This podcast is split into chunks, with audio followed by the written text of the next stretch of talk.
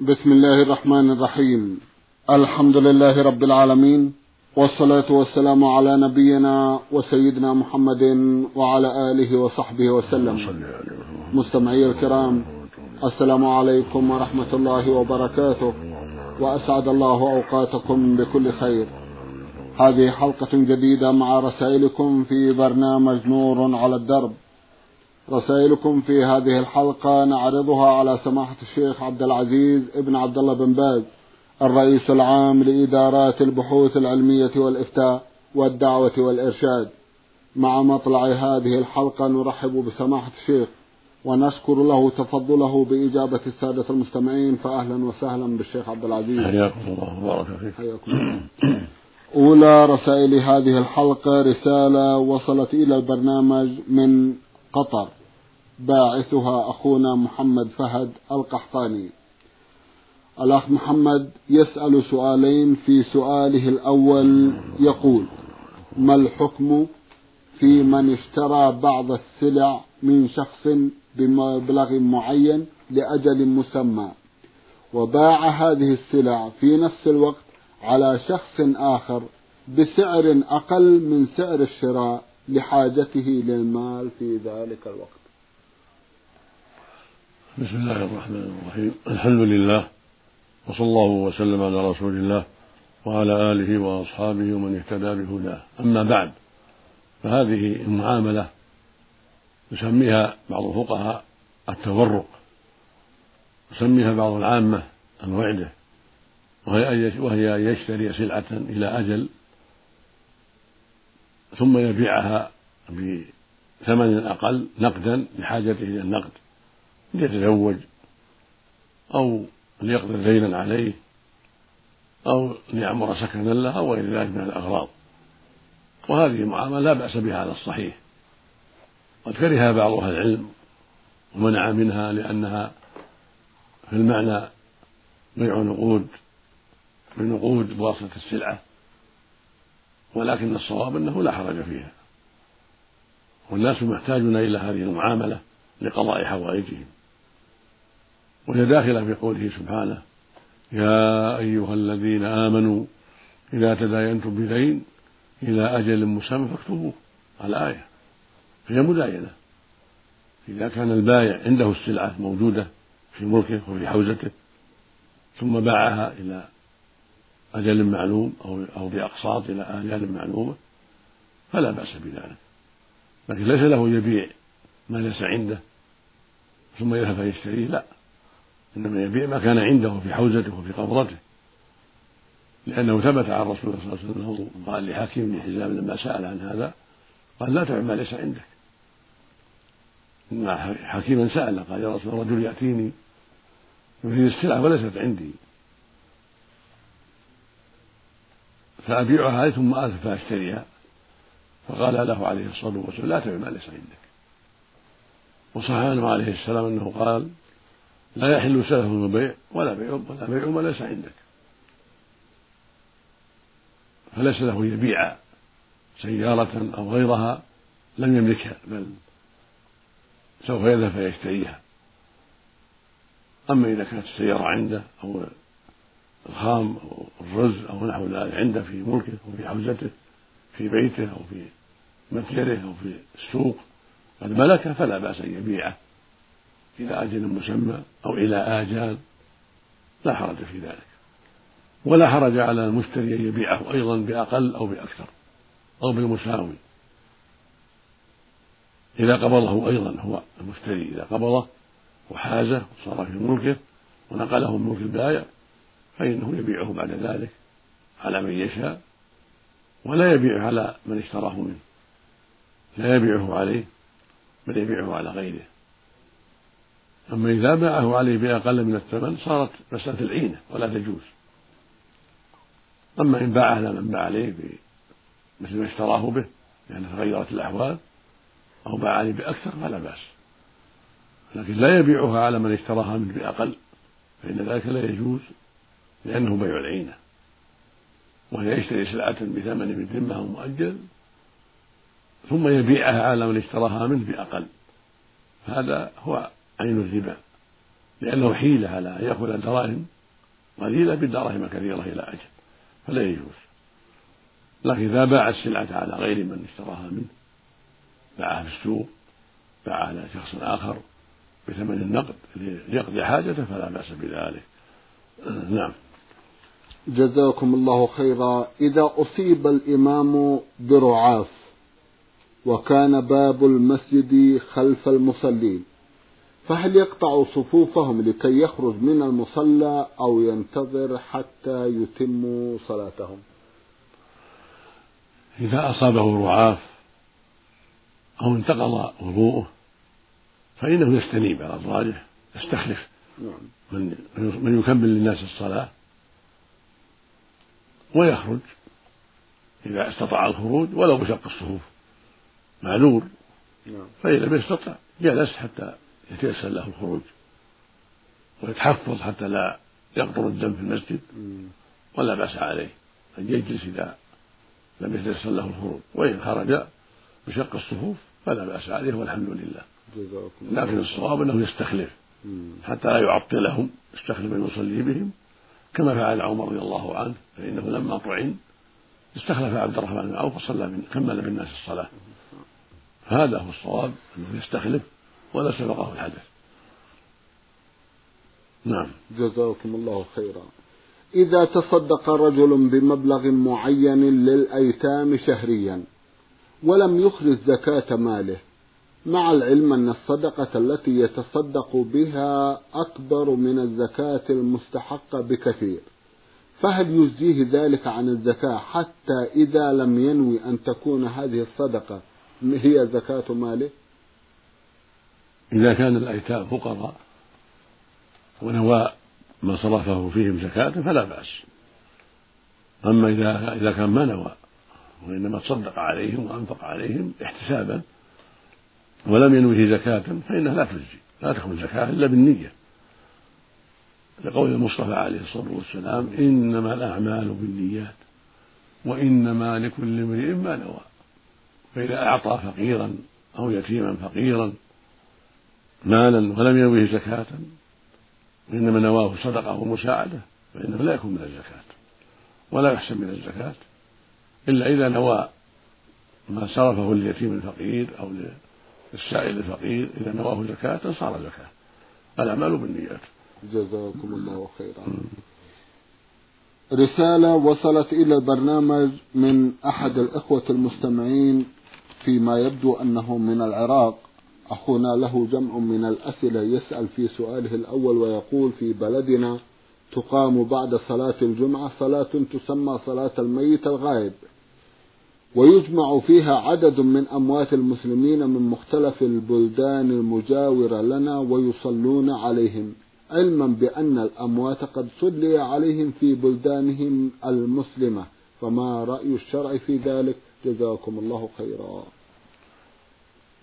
لا أعلم لهذا أصلا ولم يكن هذا من فعل النبي صلى الله عليه وسلم ولا من فعل الصحابة رضي الله عنهم ولا من فعل أتباعهم بإحسان. والنبي صلى الله عليه وسلم إنما صلى على النجاشي. لما مات في بلاده أخبر أصحابه أنه مات وصلى عليه لأنه رجل مسلم قد نفع المسلمين وآوى المهاجرين وله شأن في الإسلام. فصلى عليه النبي صلى الله عليه وسلم صلاة الغائب. ولم يحفظ عنه صلى الله عليه وسلم كان يصلي على كل أحد من الغائبين إذا ماتوا. إنما صلى على النجاشي. وذكر بعض أهل العلم أنه يلحق بالنجاشي من كان مثل النجاشي كالناس الذين لهم قدم في الإسلام من دعاة الهدى. أئمة الإسلام صلى عليهم صلاة الغائب لا بأس. أما الصلاة على عموم الناس إذا ماتوا في بلاد غائبة هذا لا ليس له أصل ولا ينبغي. بل هذا معناه أن الناس لا يزالون يصلون على أولياء كل وقت. لأن الناس يموتون كل في كل وقت. نعم، نعم. فلا وجه لهذا ولا ينبغي فعله. هو خلاف ما كان عليه رسول الله صلى الله عليه وسلم وأصحابه. فقد مات في عهده صلى الله عليه وسلم جم غفير ولم يصلي عليهم. فلا, فلا ينبغي أن يصلى على الغائب إلا إذا كان له شأن في الإسلام. كالنجاشي والعلماء المعروفين بالدعوة إلى الله وأئمة الإسلام المعروفين بنصر الدين ونحو ذلك إذا صلي عليهم لا بأس. أما عامة الناس وأن يكون ذلك طريقة آه، ماشية سائرة يصلى على الغياب في كل وقت هذا لا له أصل والواجب تركه. جزاكم الله خيرا. المستمع ذال ميم عين من اليمن الجنوبي بعث يسأل ويقول نحن فئة من المسلمين نصلي في شهر رمضان صلاة التراويح إحدى عشرة ركعة. وقد أنكر علينا بعض المسلمين ويقولون إنها إحدى وعشرون ركعة كما فعل عمر رضي الله عنه. وضحوا لنا جزاكم الله خيرا. التراويح في رمضان بابها واسع.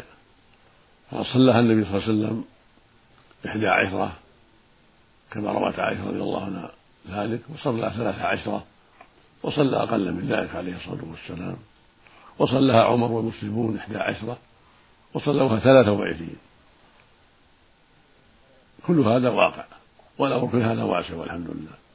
فإن صلوها ثلاثة وعشرين كما فعل عمر والصحابة فلا بأس. وإن صلوها إحدى عشرة كما فعله النبي صلى الله عليه وسلم أو ثلاثة عشرة فهذا أفضل. وقد فعله عمر والصحابة في بعض الأوقات. فعلوا هذا وهذا. نعم. فالأمر واسع في هذا. وإن صلوا أكثر من 23 كأربعين بالوتر أو أكثر أو أقل فلا بأس بذلك. لكن الأفضل فعله صلى الله عليه وسلم وهو إحدى عشرة أو ثلاثة عشرة. يسلم من كل اثنتين ويوتر بواحدة سواء كان في أول في أول الليل أو في وسط الليل أو في آخر الليل. كله واسع والحمد لله. نعم. جزاكم الله خيرا. يقول أخونا أنا شاب مسلم أريد أن أوصي أهلي ما دمت على قيد الحياة. ذلكم أن الرسول صلى الله عليه وسلم قد أمرنا بذلك في قوله صلى الله عليه وسلم ما حق امرئ مسلم يبيت ليلتين وله شيء يريد أن يوصي فيه إلا ووصيته مكتوبة عند رأسه. هكذا كتب شيخ عبد العزيز. نعم. وقال ابن عمر رضي الله عنهما ما مرت علي ليلة منذ سمعت رسول الله صلى الله عليه وسلم قال ذلك إلا عند وصيتي إلا وعندي وصيتي. أرجو من سماحتكم أن يدلنا على المهم في الوصية. نعم. يشرع للمؤمن أن يوصي بما يلزمه من ديون أو حقوق حتى تسلم إلى أهلها ولا سيما إذا كانت ليس عليها وثائق وقد تضيع على أهلها. فإن الواجب عليه أن يوصي بذلك حتى يؤدي الحقوق. أما إن كان عليها وثائق عند أهلها فالأمر في هذا واسع. وإذا كان له شيء يريد أن يوصي فيه عنده مال يوصي بالثلث أو بالربع أو بالخمس في وجوه البر وأعمال الخير فينبغي له أن يكتب ذلك قبل أن تدركه المنية فإن الأجل لا يدرى متى ينزل وعلمه عند الله سبحانه وتعالى. فالمشروع البدار بذلك للحديث الذي ذكره السائل وهو قوله صلى الله عليه وسلم ما حق امرئ مسلم له شيء يريد أن يوصي فيه يبيت ليلتين إلا ووصيته مكتوب عنده. هذا رواه الشيخان البخاري ومسلم في الصحيحين. فهو يدل على شرعية المبادرة والمسارعة إلى الوصية إذا كان له شيء يريد أن يوصي فيه. ومن ذلك الوصية بالديون التي ليس عليها وثائق فيقول عندي لفلان كذا وعندي لفلان كذا وعندي وديعة لفلان حتى لا تضيع عليه حقوقهم. وهذا شيء واجب. والمستحب أن يوصي أيضا بالثلث أو بالربع أو بالخمس. إذا كان عنده مال فيه سعة يوصي بذلك في وجوه البر وأعمال الخير كالصدقة على الفقراء والمساهمة في الجهاد في سبيل الله وتعمير المساجد والربط للفقراء والمراكز الإسلامية والجمعيات الإسلامية ونحو ذلك من وجوه الخير. ولا مانع أن يكون أن يجعل فيه وصية له. أو له ولوالديه نعم. أو له ولأهل بيته. كل سنة لا مانع من ذلك لا حرج في ذلك. كل ذلك من القرب.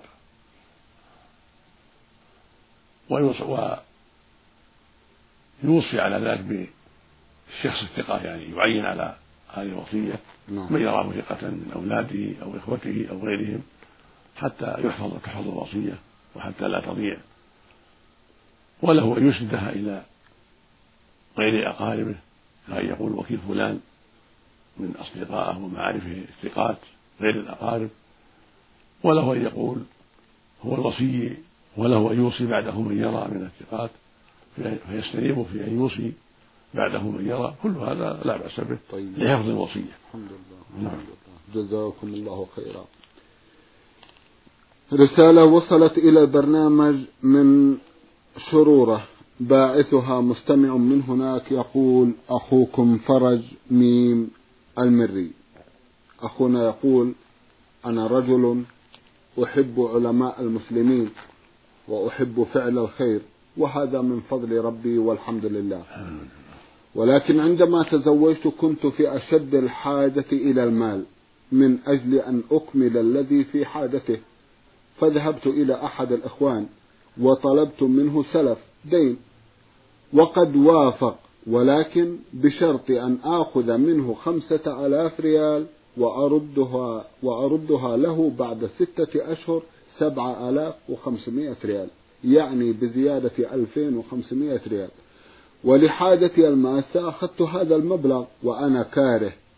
ولقد سددت المبلغ أي أعدته بعد ستة أشهر على حسب الشرط وفي خاطري شيء من الحرج. فهل علي ذنب لأنني أخشى أن أكون قد أخذت بالربا؟ أرجو إفتائي جزاكم الله خيرا. لا شك أن هذه المعاملة معاملة ربوية وحرام ومنكر عليك وعلى صاحبك. فالواجب عليكما التوبة إلى الله سبحانه وتعالى والندم على ما مضى والعزم ألا تعودا إلى ذلك والواجب على صاحبك أن يرد عليك المبلغ الزايد 2500 لأنها لا تحل له بل هي ربا. فالواجب عليه أن يردها إليك إلا أن تسمح عنها وتبيحه فيها لأنها معاملة ربوية ليس له أخذ هذه الزيادة. ويقول النبي صلى الله عليه وسلم الذهب بالذهب والفضة بالفضة والبر بالبر والشعير بالشعير والتمر بالتمر والملح بالملح مثلا مثل سواء بسواء يدا بيد. فمن زاد أو استزاد فقد أربى. وهذه العمل قد أقيمت مقام الذهب والفضة. فليس له أن يأخذ زيادة فليس له أن يبيع عشرة باثنى عشر أو يقرض عشرة باثنى عشر أو بثلاثة عشر أو بأكثر كل هذا لا يجوز لأنه من الربا. فأنت عليك التوبة وهو عليه التوبة. والندم على ما مضى والعزم ألا تعود في ذلك. وعليه يرد إليك ما زاد على الخمسة لأنها أخذت بغير حق. لكن إن أبحت إن أبحته بها أو سامحته بها معروفا منك فلا بأس. نعم. جزاكم الله خيرا. نعم. من ليبيا المرج أو المرج هذه رسالة بعث بها الأخوان علي حسن العرفي وسالم مختار العرفي أو العرضي. الأخوان لهما سؤال واحد. يقول سمعنا فتوى من سماحة الشيخ عبد العزيز بن باز يقول فيها إن رفع اليدين عند الدعاء بدعة ولم يرد ذلك عن النبي صلى الله عليه وسلم ولا عن الصحابة. وقد وجدنا في بعض الأحاديث أن النبي كان يرفع يديه في الدعاء حتى يرى بياض إبطيه فما هو الصواب؟ وهل هناك دليل على هذا؟ هذا الذي نقل الإخوان هذا الكلام لم يصب في إطلاقه وتعميمه. الرسول صلى الله عليه وسلم رفع يديه في مواضع كثيرة. ورفع اليدين من أسباب الإجابة وقد رفعهما في صلاة الاستسقاء حتى بدا بيوض الطيع عليه الصلاة والسلام دعا في الاستسقاء بعد في خطبة الجمعة وحين استسقى بالناس في الصحراء ورفع يديه ودعا عليه الصلاة والسلام. ورفع يديه في مواضع كثيرة إذا دعا عليه الصلاة والسلام إذا دعا لقوم أو على قوم وفي قنوت كذلك. إنما الذي نبهت عليه هو رفع اليدين بعد السلام من الفريضة. لم يكن النبي يفعلها. في هذا الموضع خاصة.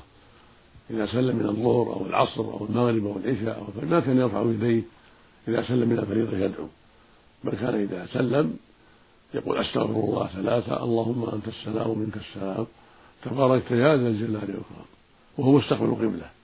ثم ينصرف إلى الناس ويذكر الله ويقول لا إله إلا الله وحده لا شريك له له ملكه وله الحمد وهو على كل شيء قدير. لا حول ولا قوة إلا بالله. لا إله إلا الله ولا نعبد إلا إياه له النعمة وله الفضل وله الثناء الحسن. لا إله إلا الله مخلصين له الدين ولو كره الكافرون. اللهم لا مانع لما أعطيت ولا معطي لما منعت ولا ينفع إلا الجد منك الجد. ولم يكن يرفع يديه في هذا المقام ولا يدعو في هذا المقام رافع يديه هذا الذي بينا للناس.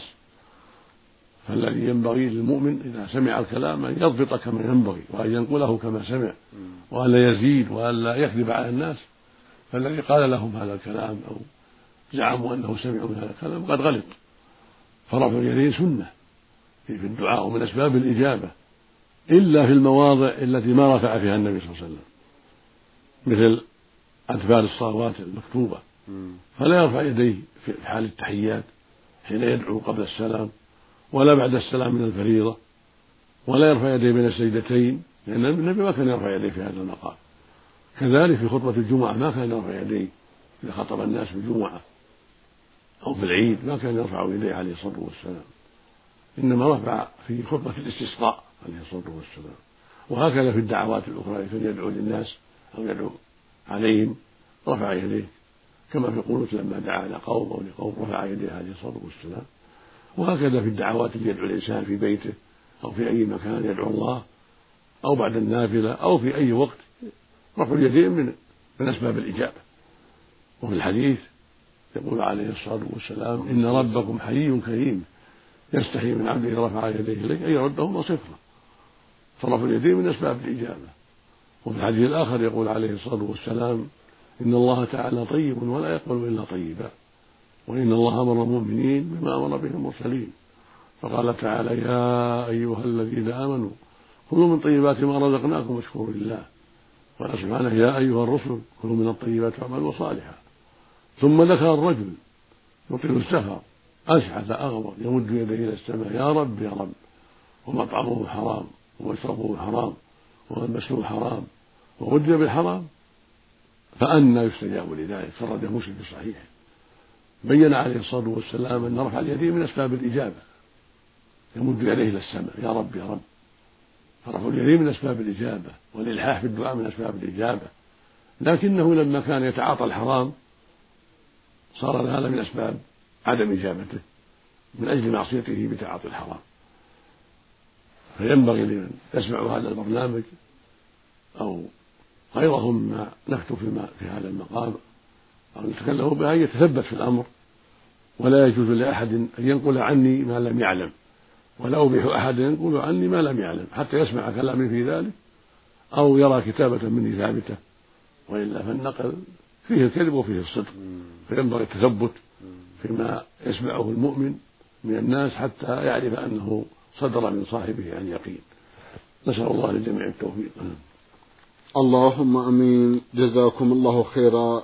يسأل أخوان سؤالا آخر فيقولان ما رأيكم يا سماحة الشيخ في تبديل العملات؟ كأن يأخذ شخص نقودا ليبية تقدر بثلاثمائة دينار ويستبدلها بألف جنيه مصري ثم يستبدلها بألف دولار. وهل يكون هذا من الربا؟ وما حكم من باعها بأكثر من قيمتها. بيع العمل بالعمل الأخرى لا بأس به. إذا كان يدا بيد. فإذا باع عملة سعودية بدولار أمريكي يدا بيد يعطيه ويأخذ منه. أو بعملة ليبية أو عملة عراقية أو عملة إنجليزية أو غير ذلك لا بأس. لكن يدا بيد يأخذ ويعطي. مثل ما تقدم الحديث النبي صلى الله عليه وسلم الذهب بالذهب والفضة بالفضة والبر بالبر والشعير بالشعير والتمر بالتمر يدا بيد مثل من سواء بسواء فإذا اختلفت هذه الأصناف فبيعوا كيف كيف شئتم إذا كان يدا بيد. اختلفت العمل يدا نعم. بيد. أما إذا كان عملة واحدة فلا بد من التماثل ولا بد من التقابض. دولار دولار لا زيادة. عشرة بعشرة لا زيادة. يدا بيد. أما إذا اختلفت فاشترى عشرة دولارات بخمسين ريال سعودي بثلاثين ريال سعودي بأقل بأكثر يدا بيد فلا بأس. أو اشتراها بدينار أردني أو عراقي يدا بيد ولو كانت أقل من قيمة الدولار أو بأكثر. العبرة بأن, بأن تكون يدا بيد لأنها عملتان مختلفتان كالذهب والفضة. نعم. جزاكم الله خيرا. المستمع عايض محسن حاضر الغامدي من ضواحي الباحة يسأل عن تفسير قول الحق تبارك وتعالى أعوذ بالله من الشيطان الرجيم واستعينوا بالصبر والصلاة وإنها لكبيرة إلا على الخاشعين. هذا ظاهرها الرب جل وعلا يأمر بالاستعانة بالصبر والصلاة في أمور الدنيا والدين. وكان النبي صلى الله عليه وسلم إذا حزبه شيء فزع إلى الصلاة. والصلاة من أعظم الأسباب على تيسير الأمور وحل المشاكل. فإذا همه شيء دين أو ظالم أو شبه ذلك صلى ودعا ربه واستغاث به أن يقضي دينه وأن يكفي شر الظالم وأن يعينه على ذكره وشكره. ويصبر أيضا على المشاق في طلب الرزق وفي طاعة الله وترك معصيته يصبر. يخالف هواه. ويستعين بالله على ذلك ويؤدي ما أوجب الله عليه من الصلاة في الجماعة من بر والديه من صلاة أرحامه من قضاء الدين من غير هذا مما أمر الله يصبر ولا يتبرم ولا يكسل ولا يضعف بل يصبر على أداء الواجبات وعلى ترك المحرمات ويستعين بالله في ذلك ويؤدي الصلاة كما أمر الله الفرض والنفل كما أمر الله ويستعين بها يعني بفعلها على طاعة الله وعلى أداء الحقوق. فإن الصلاة نعم العون يصلي ويذكر الله ويدعوه ويستعين به في سجوده وبين السجدتين وفي آخر الصلاة يرفع إليه ويدعو ربه ويقول اللهم يسر لي كذا اللهم أعطني كذا بعدما يسلم أو في أي وقت يرفع إليه ويدعو ربه ويستجير به ويسأله أن يعينه على قضاء الدين أن يعينه على سلامته من الظالم أن يعينه على أداء الحج أن يعينه على بر والديه إلى غير ذلك.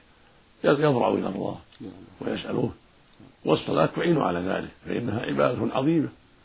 فإذا صلى وسأل ربه وضرع إليه أن يعينه على مهماته كان ذلك حسنا طيبا نافعا. وقوله سبحانه وإنها لكبيرة إلا على الخاشعين يعني شاقة.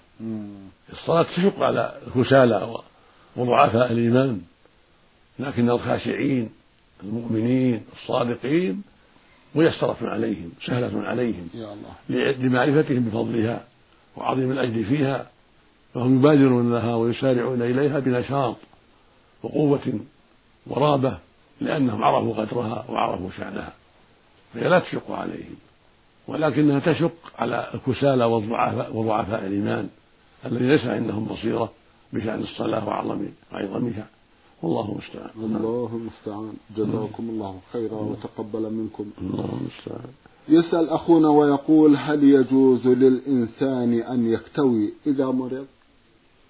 نعم نعم. الكي جائز. لكن إذا تيسر دواء آخر فهو أفضل. ينبغي يكون الطب أن يكون الكي آخر الطب.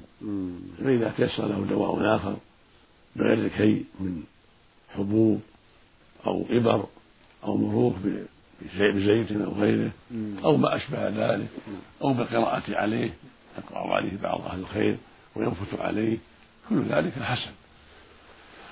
وإذا احتاج إلى الكي فلا بأس.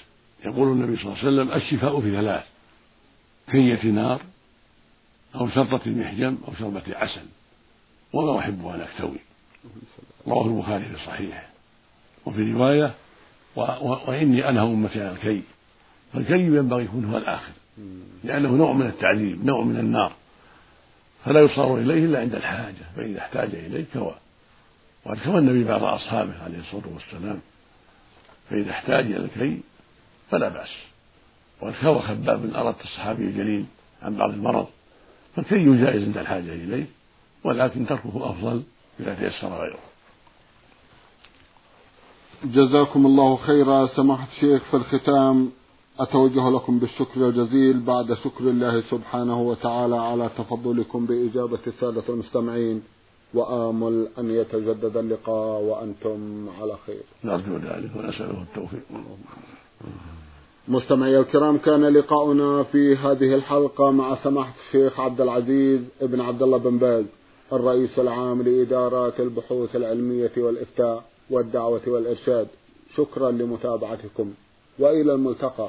وسلام الله عليكم ورحمته وبركاته.